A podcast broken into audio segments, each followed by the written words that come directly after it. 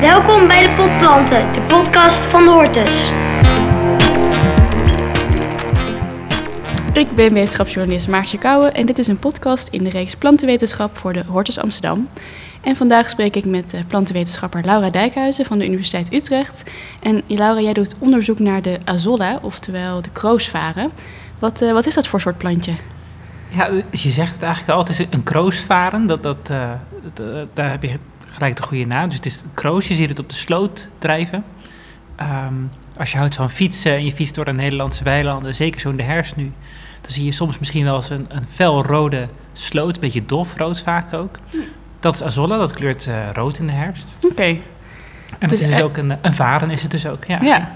Dus eigenlijk een heel gewoon plantje die, uh, die gewoon in de sloot groeit. Maar ja. hij is eigenlijk op een heel bijzondere manier opeens onder de aandacht van, uh, van wetenschappers gekomen, hè? Ja, klopt. Ja, dus we doen daar op de universiteit doen we daar onderzoek naar.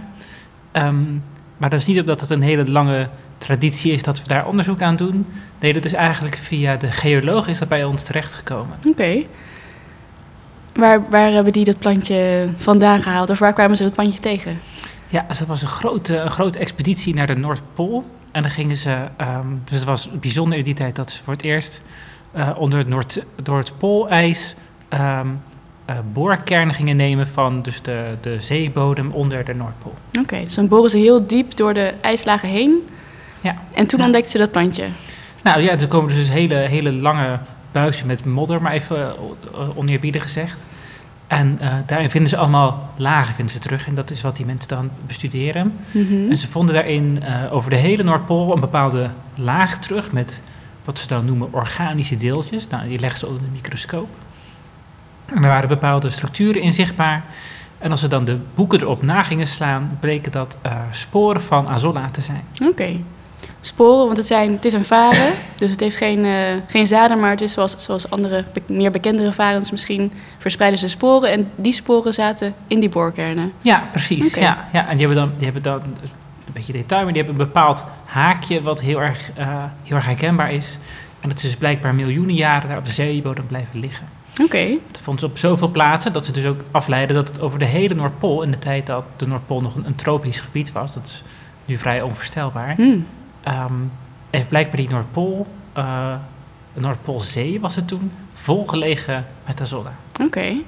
En, en, en wat zegt dat over dat, dat het plantje toen daar gegroeid heeft? Of waarom was het interessant voor de wetenschap om daar, uh, daar verder in te duiken?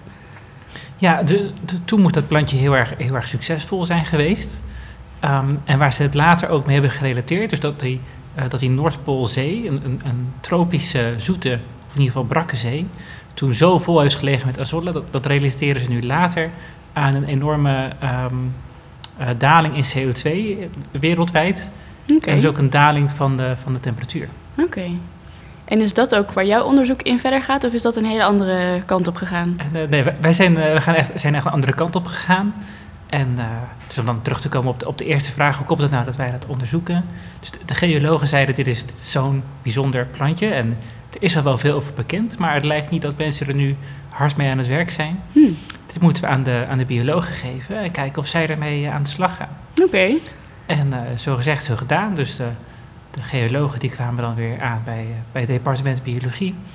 En er was iemand, uh, mijn huidige baas nu, Henriette Schlutman, en die zei, nou dat vind ik interessant, daar ga ik mee aan de slag. Hmm. En zodoende. En wat is er zo bijzonder aan het plantje, dat je daar onderzoek aan ja. doet? Ja, dus wat, wat bijzonder is aan, aan, het plantje is, en waarom dus het ook zo, zo, succesvol is geweest in het verleden, is dat het um, uh, stikstof uit de lucht haalt en daarop kan groeien.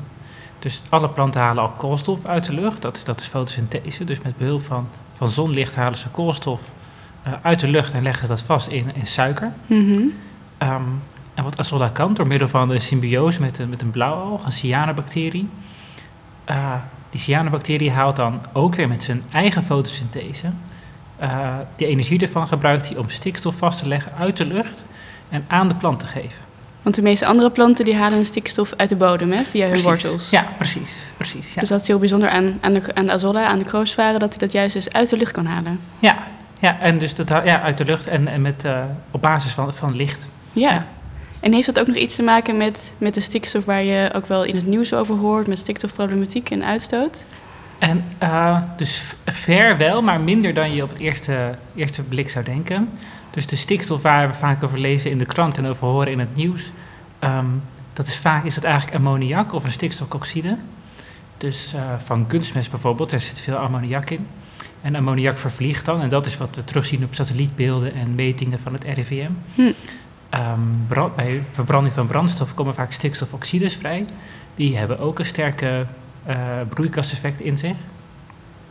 Maar dat noemen we, want dat is nogal een mond vol, stikstofoxides en ammoniak. Dus daar hebben we het vaak over stikstof.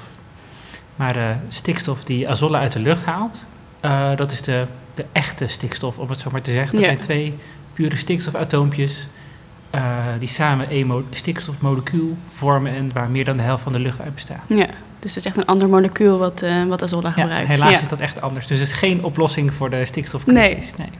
Maar dat Azolla uh, stikstof uit de lucht kan halen, biedt dat wel een oplossing voor iets anders? Of kan het, is het daardoor, kan het daardoor extra succesvol zijn of sneller groeien? Ja, dus um, om een landbouwproduct, een gewas te groeien, uh, zal je altijd bepaalde input moeten leveren om een bepaalde output te krijgen. Niks, niks gaat ja. voor niks. Dus um, dat zien we nu ook in de landbouw. Dus dat is wel gerelateerd aan de stikstofcrisis in die zin. Dat als je een hoge oogst wil hebben, dan moet je ook heel veel kunstmest geven. Hm. Hoe meer je kunstmest je geeft, idealiter, hoe meer product je krijgt. Ja. Um, daarom geven we vaak heel veel kunstmest en dat vervliegt. Als je azolla zou groeien op je land, dan zou je dus geen stikstofbemesting hoeven geven. Hm. Uh, de stikstof is ongeveer, ongeveer de helft van, van wat kunstmest uh, is, wat, nu, wat je nu commercieel uh, op, je land, uh, op je land brengt. Dus als je die stikstof niet op je land hoeft te brengen, kan die ook niet vervliegen. Nee. Um, en je hoeft hem ook niet in te kopen. Dus Azolla kan veel efficiënter groeien op die manier. Precies, precies, ja. En heeft het dan nog wel iets nodig uit de bodem of qua andere voedingsstoffen? Of kan het gewoon volledig alles wat hij nodig heeft uit de lucht halen? Uh, dat, zou, dat zou heel mooi zijn, maar ja. dat zou ook gelijk een, een, groot probleem zijn natuurlijk. Dus, nee. dus Azolla heeft ook zeker nog, uh, nog dingen nodig. Dus koolstof en stikstof zijn de meest voorname elementen waar, uh, waar al het leven op aarde uit bestaat. Fosfor is de derde. Fosfor moet je Azolla nog wel geven. maar ook magnesium, ijzer, kalium. al dat soort basale elementen, die zijn ook heel hard nodig. Hm. En fosfor is ook niet iets wat, uh, wat rijkelijk voorhanden is hè, voor planten. Nee, dus dat is ook inderdaad een, uh, toch een soort van, van crisis haast die eraan zit te komen. Dus de, we hebben twee, uh, ik, hoop dat ik dat goed zeg, maar twee grote fosformijnen op aarde. Eentje in Marokko en eentje in China, als ik me goed herinner. Um, en dat zijn voorlopig nog de enige twee die we, die we hebben aan land. En die raken langzaam op. Daar wordt fosfor echt uh, gedelft om te ja. gebruiken in, uh, in kunstmest of toe te voegen aan de planten. Uh, en als het op is, dan hebben we, hebben we een probleem. Dan kunnen we opeens onze kunstmest niet meer maken. Hmm. Um, en het idee is dus dat in het verleden hebben we, hebben we heel veel kunstmest al gebruikt op het land. Mm -hmm. Wereldwijd, maar ook in Nederland. Um, en waar stikstof bijvoorbeeld vervliegt, blijft fosfor juist achter in het land. Okay. Dus dat wordt een soort, uh, dus de, de, stikstof wordt ammoniak, dat wordt een gas en dat, dat vervliegt. Stikstof wordt een vaste stof en dat blijft achter. Um, soms, uh, eigenlijk meestal, heel erg moeilijk te bereiken voor, voor ons, maar ook voor de gewassen die we groeien op het land. Oké, okay. het zit wel in de bodem, maar de planten kunnen er niet zit bij. Vast, precies. Oké. Okay. Ja. En uh, Azolla kan er juist iets speciaals mee doen, hè? Ja, dus de, de, theorie is, en dat zijn experimenten die lopen nu met, uh, in samenwerking met de Universiteit Nijmegen. Um, dus de theorie is dat uh, als Azolla groeit op een, op een, op een stuk land, uh, dat land moet onder water staan, want Azolla is een plant die drijft. Dan zou Azolla dat wateroppervlak volledig kunnen bedekken. En dat maakt het water dan anoxisch. Dus er kan geen zonlicht meer in het water komen. Mm -hmm. algen of planten die daar fotosynthetiseren, die kunnen dat niet meer. Dus alle zuurstof verdwijnt uit het water. Okay. Alle ecologen gaat nu een soort van rood vlaggetje omhoog. Dat is, klinkt niet goed. Nachtmerrie, ja. Nachtmerrie, precies. Ja, en dat is ook... Uh, en in de natuur zijn, zijn drijvende planten zoals azolla, maar ook zoals eendekroos... vaak dus niet goed door uh, te rijke uh, slootwateren... of Mm. dus uit, uitspoeling van nutriënten van landbouw... Ja. krijg je dus drijvende planten op je sloten. Oké. Dat is dan niet zozeer, in mijn optiek, niet zozeer een probleem van de drijvende planten. Dat is een probleem van de uh, veel te veel, het grote overvloed aan voedingsstoffen die we hebben in ons, uh, in ons land. Ja, en in het water daardoor. Ja. Precies, maar terug naar je vraag. Um, ja, dus in dit scenario is het juist goed dat er dan geen zuurstof is in het water. Want doordat er geen zuurstof is in het water, kan er een reactie optreden waardoor het fosfor en ook het ijzer wat achter is gebleven in het land, waardoor het juist wel wateroplosbaar wordt. Oké, dus het komt vrij in het water Ja, en is daardoor eh, op te nemen door Azolla. precies. Dus zou- Azolla zou dat op kunnen nemen. Mhm. Ehm, en op die manier kan je dus zonder je land af te graven, wat een erg kostbare aangelegenheid zou Ja. zijn. Want dat is anders Ja. nodig als Ja, je weer opnieuw eh, je land wil Ja. gebruiken. Ja, dus als het echt te verrijkt is aan, aan eh, voedingsstoffen, dan zou je het af moeten graven. Oké, Dat is heel erg kostbaar. Dus als je er azolla op zou kunnen groeien, zou je van je, van je fosforoverschot zou je erin af zijn. ja. Je zou eh azolla hebben waar je dan vervol- vervolgstappen mee kan nemen. En voor eh, een fractie van de kosten, Ja. iedere liter. Dat klinkt heel, heel positief. Zijn jullie dat al echt eh, in de praktijk al aan het doen? Ja, ja, dus het zijn experimenten die lopen nu. En of het, of het goed werkt en wat voor uitdagingen we nog tegen gaan komen, dat zijn we nu aan het ondervinden. Ja. dus een spannende tijd. En kun je al iets zeggen over de richting waar het op gaat? Is het al enigszins, zijn er al een beetje resultaten te zien of moet dat echt nog helemaal blijken? Ja, dus we hebben wel het resultaten. Dus, dus wat blijkt is dat het verhaal, of zoals je het graag hoort natuurlijk, dat nou, azolla haalt koolstof uit de lucht, stikstof uit de lucht en fosfor uit de bodem. Het gaat vol automatisch. Nou, Mhm. dat, dat is helaas niet het geval. Oké, Dus het is wel eh, een zaak dat je, dat je erbij blijft, dat je regelmatig checkt wat voor voedingsstoffen zitten er in het water. Moet ik nog iets bij doen of iets afstellen, et cetera. Dus dat vereist wel wat eh, monitoring, om het zo maar te zeggen.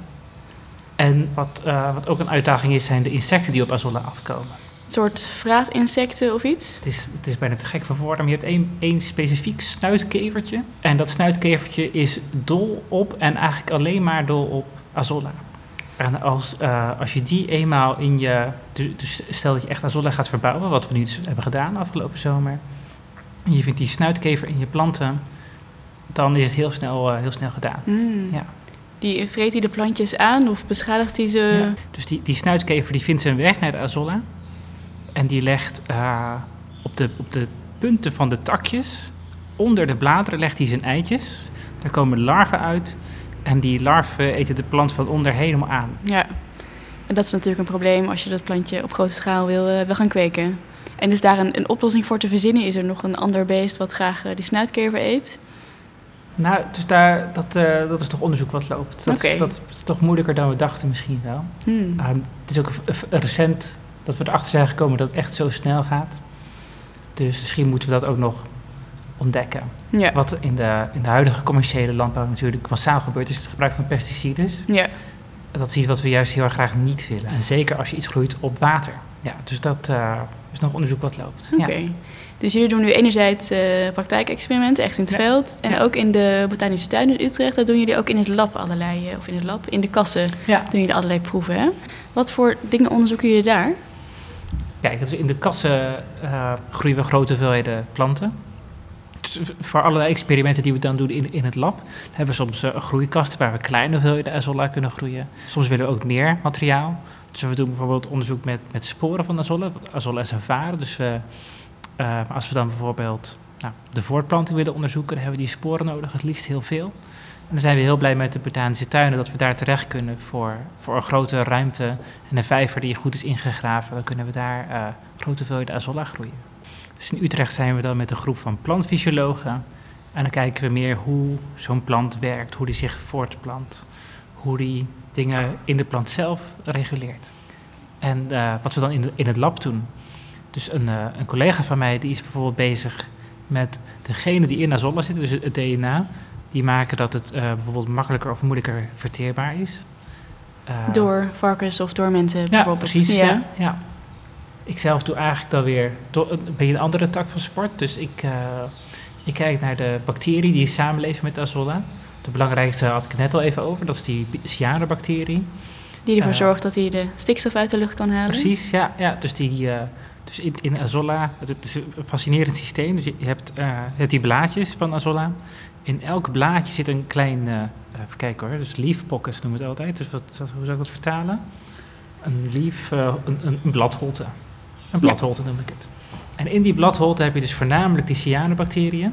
Die hebben een hele duidelijke functie. Stikstof uit de lucht halen voor de plant. Maar er zitten ook andere bacteriën. En dat heeft iemand ooit gezien in 1991. En daarna is het doodstil gebleven. Nou, dat vond ik wel interessant, dus daar ben ik, eh, ben ik nu naar aan het kijken. En uh, waar mijn onderzoek nu over gaat, is wat voor bacteriën leeft allemaal samen met azolla. En is het misschien zo dat er niet uh, een plant en een bacterie is, einde verhaal, maar is de plant, een bacterie en misschien nog wel meerdere samenwerkers Hmm. die daar een functie hebben. Misschien is het tegenovergestelde waar. Misschien zijn dat parasieten die daar hun, hun fijne, fijne, veilige plekje hebben in een symbiose waar ze eigenlijk niks mee doen. Nee, waar ze misschien energie onttrekken van azolla of iets anders. Precies, ja. ja. Oké, okay. dat moet nog blijken, dus, uh, dus dat jouw onderzoek. Ja, daar ben ik niet mee bezig. Ja. Oké. Okay. Ja. Okay. En wat zou uiteindelijk het doel daarbij zijn? Misschien niet voor jullie als, als plantenwetenschappers, die natuurlijk vooral uitzoeken van hoe werkt het en hoe zou het kunnen, maar, maar stel dat dit helemaal goed werkt, wat, wat zouden uh, boeren of andere mensen, wat zou je daarmee kunnen ja. doen? Ja, dus eens even kijken. Um, dus uh, wat misschien wel het, het, het, het meest bazaal is om mee te beginnen, dat, uh, dat is heel leuk gedaan door een boer in Noord-Holland. Die zei: Ik wil zoveel mogelijk alles circulair op mijn eigen bedrijf hebben. Dus Hm. ik wil geen afvalstoffen afvoeren en tegelijkertijd nutriënten weer inkopen. Nee. Ik wil het liefst dat dat allemaal circulair blijft op mijn Ja. eigen bedrijf. Um, dus die gebruikt uh, mest van varkens om azolla op te groeien. En die azolla die pr probeert je dan nu weer te voeren aan de varkens die hij heeft op zijn ah, bedrijf. Ja, dus van de afvalstoffen van de varkens kun je weer plantjes Ja. laten groeien die weer het voedsel kunnen zijn voor de varkens. Ja, en dan, uh, dus dat, soort- dat soort beginonderzoekjes, al zijn ze klein en bescheiden, zijn juist heel erg belangrijk. Want Ja. dan kom je er dus achter dat de volwassen varkens, die hun leven al droog, uh, droog voer eten of sojapoeder, die moeten er niks van hebben. Die lusten dat niet. Die willen dat helemaal niet, nee. Maar de jonge varkens, die hebben er wel, uh, die willen dus het wel. Ah, Dus dat soort kleine dingetjes, die moet je dan maar net, uh, Ja. net weten. en het zou boeren ook misschien dus kunnen helpen om hun land op te schonen. Als ze dan het hele land onder water zetten bijvoorbeeld en daar massaal uh, azolla op zetten, dan zou je op die manier het land weer uh, geschikt kunnen maken voor, voor een volgend gewas wat Ja. je daar wil kweken. Ja, dus ook, ook dat is he- helaas nog niet iets wat, eh, wat nu zeg maar commercieel wordt aangeboden. Nee. Dus he- heb je een stuk land met veel fosfor en wil je er vanaf, dan heb ik nog geen telefoonnummer wat je kan bellen Nee. dat we met een vrachtwagen aankomen rijden. Eh, helaas nog niet. Ehm, maar dat is wel onderzoek wat we nu doen. Ja, ja. En wat zou je nog meer met azolla kunnen? Stel dat je dat op grote schaal kan kweken. Want het klinkt natuurlijk ideaal, een plantje die niet allemaal extra voedingsstoffen nodig heeft en die vrij efficiënt kan groeien. Mhm. Eh, zou je daar nog meer mee kunnen doen? Ja, dus het, ehm, eens even kijken hoor. Dus dan gaan we weer eh, in, ons, in mijn biologenbrein, zeg maar. Dus eh azolla is, eh, heeft de afgelopen miljoenen jaren is dat geëvalueerd met een, een surplus, een, een, een ruim voldoende hoeveelheid aan, aan stikstof. Ja. Ehm, als je kijkt hoe, hoe planten groeien, dan is stikstof heel erg belangrijk voor het maken van eiwitten. Planten in de natuur, zoals ze geëvalueerd zijn, hebben vaak een tekort aan stikstof. Hm. En dus vaak ook niet zoveel eiwitten. Daar ga je zuinig mee om. Ja. Ehm, ja, dus bij azolla is dat niet het geval. Eh, en zodoende heeft het dus ook relatief, eh, nou niet relatief, eh, absoluut best veel eiwit in zijn, in zijn biomassa. Hij maakt veel eiwitten aan op basis Ja. van de stikstof Ja. die hij gebruikt. Precies, ja. En in een, in een economie of in een maatschappij waar we steeds minder vlees gaan eten, waar we nu heel veel eiwit vandaan halen en steeds meer planten, heb je een aantal hele eiwitrijke gewassen, zoals soja is daar misschien wel het grootste voorbeeld van, sojabonen. Maar die worden massaal gegroeid elders op de wereld en het liefst zou je dat ook lokaal kunnen doen. Ja. En als azolla dan relatief duurzaam kan groeien hier in Nederland en heel erg veel eiwit op kan leveren, dan is dat een van de, eh, de eerste grote kansen die er ligt, denk ik. Ja. Dus je maakt eigenlijk super efficiënt een heel eiwitrijk plantje. Ja, ja dat is het idee. Ja. En zou dat ook iets zijn dat je uiteindelijk echt eh azolla burgers of iets dergelijks krijgt? Of moet je het meer in andere toepassingen Ja, zien? Daar, daar grap ik af en toe wel over. En ik, Ja. ik denk inderdaad, ehm, volgens mij moet dat, moet dat kunnen. Ja. Eh, er zijn zeker nog uitdagingen om te gaan overigens hoor. Dus ik moet niet, eh, niet, te, niet te rooskleurig presenteren. Dus in azolla zitten ook andere stoffen. Dat zijn polyfenolen. Veel mensen zullen dat niks zeggen, maar polyfenolen is, is een groep van stoffen. Eh, tannines horen daar ook bij. Hm. En tannines ken je van je, van je wijn. Dat wil je niet te veel hebben in je wijn. Dat wil je ook niet te veel hebben in je azolla. Nee, en in je voedsel uiteindelijk. Ja. En uiteindelijk ook niet in je voedsel. En die zitten dus heel erg veel in azolla. Hm. Dus als we efficiënt grote hoeveelheden eiwit uit de azolla willen halen, ja. dan heb je ideaal, idealiter een plant die heel erg weinig uh, tannines maakt. Hm. Dus voor menselijke consumptie is het misschien nog even de vraag of dat eh, op korte termijn al eh, op grote schaal zou kunnen. Maar als veevoer is het dus ook geschikt eventueel. Ehm, ja, dus de, de, de makkelijkste toepassing is om het de zonder de plant te drogen, et cetera, weer toe te voegen aan veevoer. Gewoon vers door het eten gemalen. Oké. Ja. Hoe zie jij de, de toekomst? Denk je dat het echt op korte termijn al is dat, dat heel Nederland en heel de wereld hiervan gaat horen en dat we er echt op grote schaal nog iets mee gaan doen? Of denk je dat dat nog wel eh, een project van Ah. lange adem is? Ik denk dat het een project van lange adem is. Dus eh, enerzijds ga- gaan de dingen eigenlijk heel erg snel. Eh, volgens mij begonnen we uiteindelijk in 2014 hiermee en hebben in vijf jaar eh, flink wat bereikt. Anderzijds zijn we maar met een klein, een klein clubje onderzoekers en kunnen we niet al die problemen eh, zelf oplossen. Dus we werken, Universiteit Utrecht is betrokken, Universiteit Nijmegen doet ook een groot deel. We zijn allemaal onderzoekers en wij geven ook bijvoorbeeld les. doen we ook met veel plezier. Ik werk in een lab waar drie werknemers werken. Dat is heel erg klein. Ja, Wij kunnen niet, eh, wij kunnen niet heel veel werk verzetten, maar we zien het dan zeg maar, als onze taak om, om met eh, belastingsgeld, want dat is het natuurlijk gewoon, eh, belastingsgeld bepaalde kennis te genereren. En hopelijk is dat dan eindelijk- uiteindelijk genoeg om samen met het bedrijfsleven nog een volgende stap te zetten. ja. En waarna uiteindelijk het bedrijfsleven het zelf over kan nemen. Want jullie hebben eigenlijk nu de hele achtergrond blootgelegd en alles in kaart gebracht. En nu is het eigenlijk meer aan de industrie om dan erbij te komen en dit verder op te pakken. Ja, ja precies. Ja. Dus we gaan niet een kant-en-klaar businessplan. eh, nee, dat gaan we niet doen. Nee, Maar we proberen wel dus vragen over de biologie te stellen. Met altijd in ons achterhoofd. Wat zou de industrie nodig hebben nog om eh, misschien een stap verder te zetten Ja. met Azolla? want het klinkt wel alsof het enorm veel potentie heeft. Een plantje die super snel kan groeien, enorm veel eiwit heeft, ja, heel efficiënt groeit zonder stikstof uit de En het, he- bodem. het heeft zeker ook zijn uitdagingen, zoals de, de polyfenolen scheiden van eiwitten. Dat is gewoon moeilijk. Ja, Maar eh, al kan je Azolla alleen gebruiken om fosfor uit je land te halen, dan ben je ook al, eh, dat klinkt al fantastisch. ja, Ja. dan ben je ook al een stuk verder. Nou, het klinkt wel eh, heel hoopvol. En ik hoop dat we nog heel veel meer van gaan horen. Dankjewel voor nu. Graag gedaan. Dit was Maartje Kouwen voor de podcast van de Hortus Amsterdam... samen met Laura Dijkhuizen, plantenwetenschapper bij de Universiteit Utrecht.